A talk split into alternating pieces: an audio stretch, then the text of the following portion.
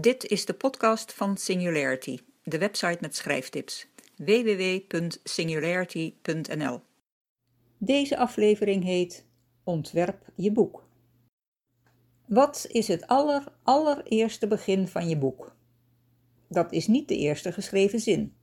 De kiem van je boek is een idee. Het idee van een verhaal, het idee dat je een boek wil schrijven of het idee dat ontspruit door een grappige of eigenaardige of boeiende persoon of gebeurtenis. Tussen dat idee en het uiteindelijke boek zit een weg die te vergelijken is met een eerste ontmoeting van een vrouw en een man, tot en met een volwassen persoon die uit hun relatie is voortgekomen. Als zo'n vonkje bij je is opgekomen, hoe ga je daar dan mee verder? Je zou meteen kunnen beginnen met schrijven. Gewoon dat wat er in je opkomt, met als enige leidraad dat vonkje. Maar net zoals het bouwen van een huis zonder ontwerp, tekeningen en een duidelijk doel waarschijnlijk een onbruikbaar huis oplevert, is het resultaat van zomaar schrijven meestal een chaotisch, alle kanten opwieberend onafverhaal.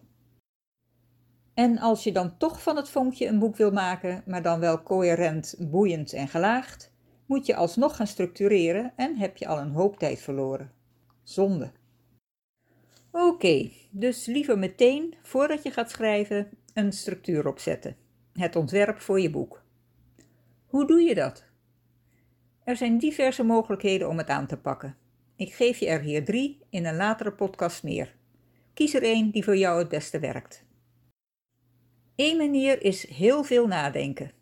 Kort gezegd, zoeken, denken, dagdromen, dan een schema opzetten, daarna pas schrijven. Auteur Mireille Geus werkt zo. Het zoeken, nadenken, dagdromen enzovoort is het grootste deel van haar weg van het vonkje naar een afgerond boek. Het daadwerkelijk opschrijven is het kleinste deel, en omdat ze dan het verhaal al kent, zit ze in een voortdurende flow.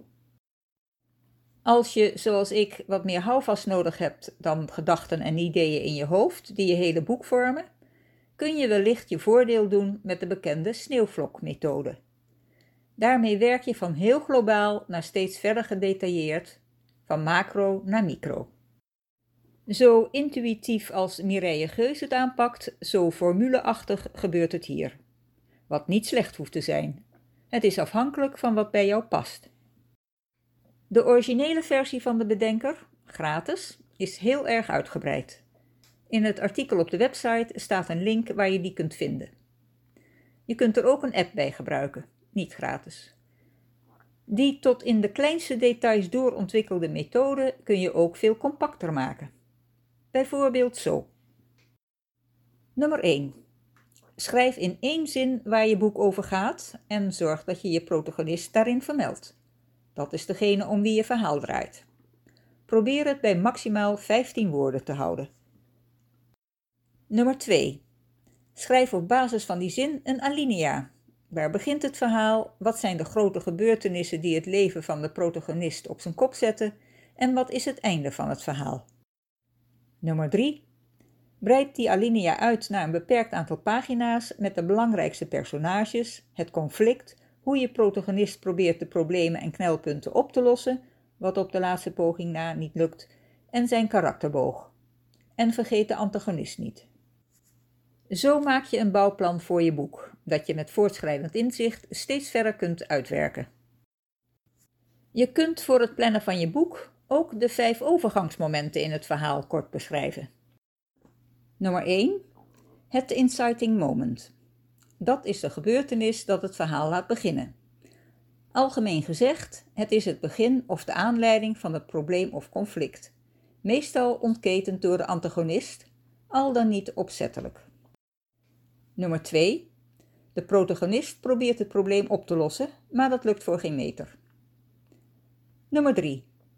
Het probleem wordt ernstiger en gecompliceerder, soms door de vruchteloze oplospoging van de protagonist zelf. De protagonist probeert het nog een keer, wat niet lukt. Nummer 4. De protagonist valt in een zwart gat. Al zijn pogingen het probleem op te lossen hebben het alleen maar erger gemaakt. De antagonist lijkt te gaan winnen. En nummer 5, de climax. In een laatste wanhopige poging lukt het de protagonist Warempel het probleem op te lossen. Einde van het verhaal. Deze vijf vormen het schema dat je vervolgens verder kunt invullen. Tot slot, voordat je denkt dat je jezelf zo in een keurslijf stopt, het ontwerp van je boek is niet in beton gegoten. Naarmate je ermee bezig bent en ook als je het verhaal zelf al aan het schrijven bent, gebeurt het regelmatig dat voortschrijdend inzicht je op een idee zet dat afwijkt van je ontwerp. Vaak kun je dat prima gebruiken. Je verhaal kan er nog beter van worden. Ga wel na of je daarvoor andere stukken in je boek moet aanpassen. Ik ben aan het einde gekomen van deze podcast.